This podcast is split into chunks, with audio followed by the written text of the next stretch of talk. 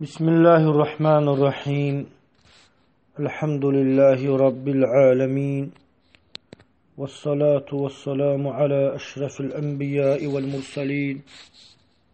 أشهد أن لا إله إلا الله وأشهد أن محمدا عبده ورسوله. أما بعد. kitabın müəllifi Şeyx Albani Allah ona rəhm eləsin. Peyğəmbər sallallahu aleyhi və səlləmin necə namaz qıldığını hədislər üzərində, dəlillər üzərində bizə cəm edərək təqdim etmişdir. Biz də Peyğəmbər sallallahu aleyhi və səlləm necə namaz qılırdısa onları hər bir müsəlman bilməlidir. Birinci növbədə namaz qılan müsəlman qibləyə yönəlməlidir. Peygamber sallallahu aleyhi ve sellem nafile namazlarında ve ferz namazlarında kıbleye yönelerdi. Ve öz ümmetine kıbleye yönelmesini emir ederdi. Nece ki hadisler gelmişti. Peygamber sallallahu aleyhi ve sellem buyurur, sizden biriniz namaza duranda kamil şekilde, güzel şekilde e, destamaz alsın ve kibleye yönelsin. Ve Peygamber sallallahu aleyhi ve sellem miniğin üzerinde nafile namazları kılanda qibləyə yönəlməzdi. Minik hansı tərəfə gedərdisə, o tərəfə də namazını qılardı.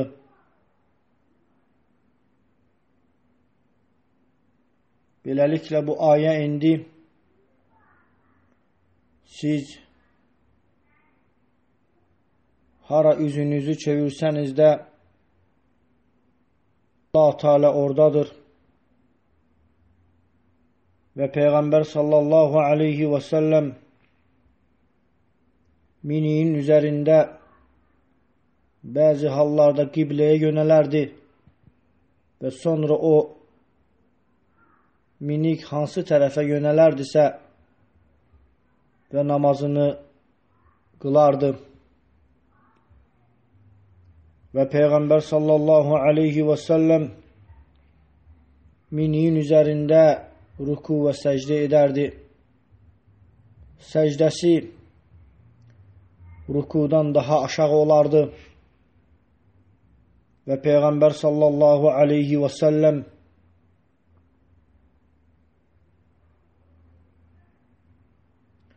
o zaman ki fərz namazını qılmaq istəyəndə miniyindən enərdi və qibləyə tərəf yönələrək namazını qılardı.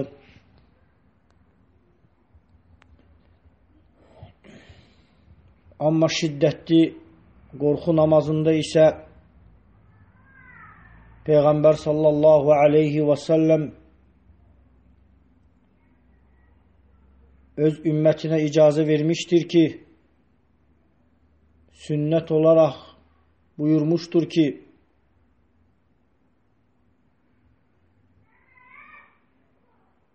yeriyərək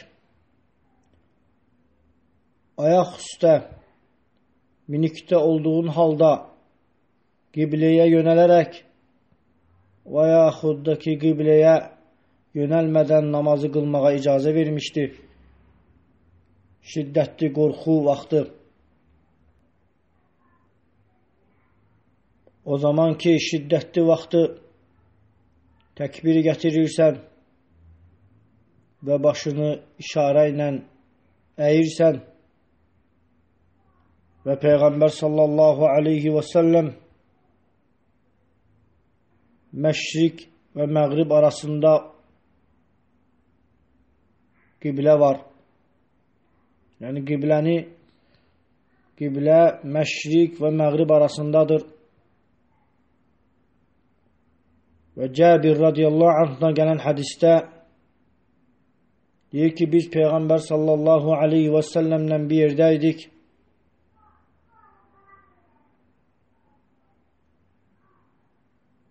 Ve hava çok tutkun idi. Yani güneşi görebilmirdik.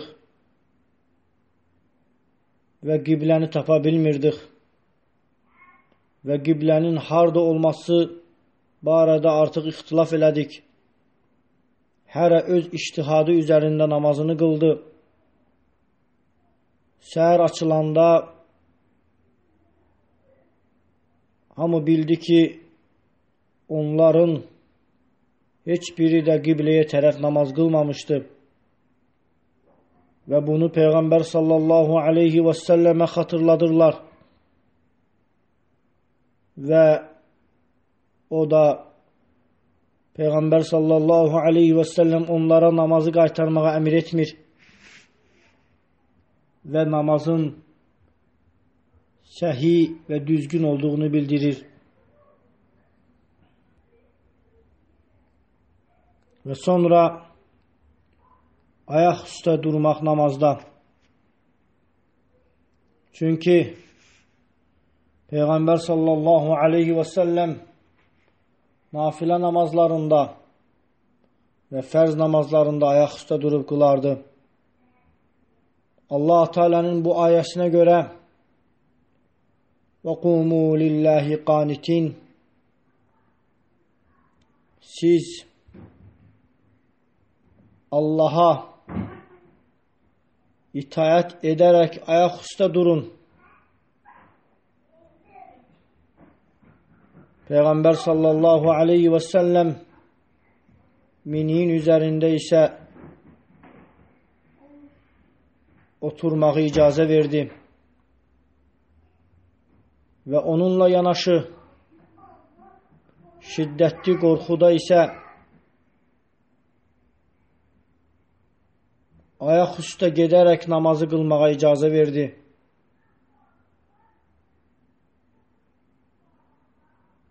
Və yaxud da ki, minin üzərində necə ki bu adi, necə ki bu barədə hədis keçdi. Peyğəmbər sallallahu aleyhi və səlləm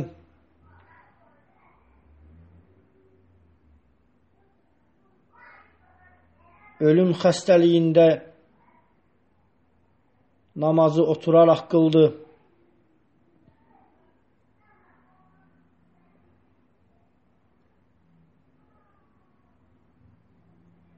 Başqa bir vaxtda isə Peyğəmbər sallallahu aleyhi və səlləm ağrıyırdı, xəstə idi və imamlıq eləyəndə oturaraq qıldı və əli ilə işarə etdi ki, siz də oturun və sahabələr də oturdular.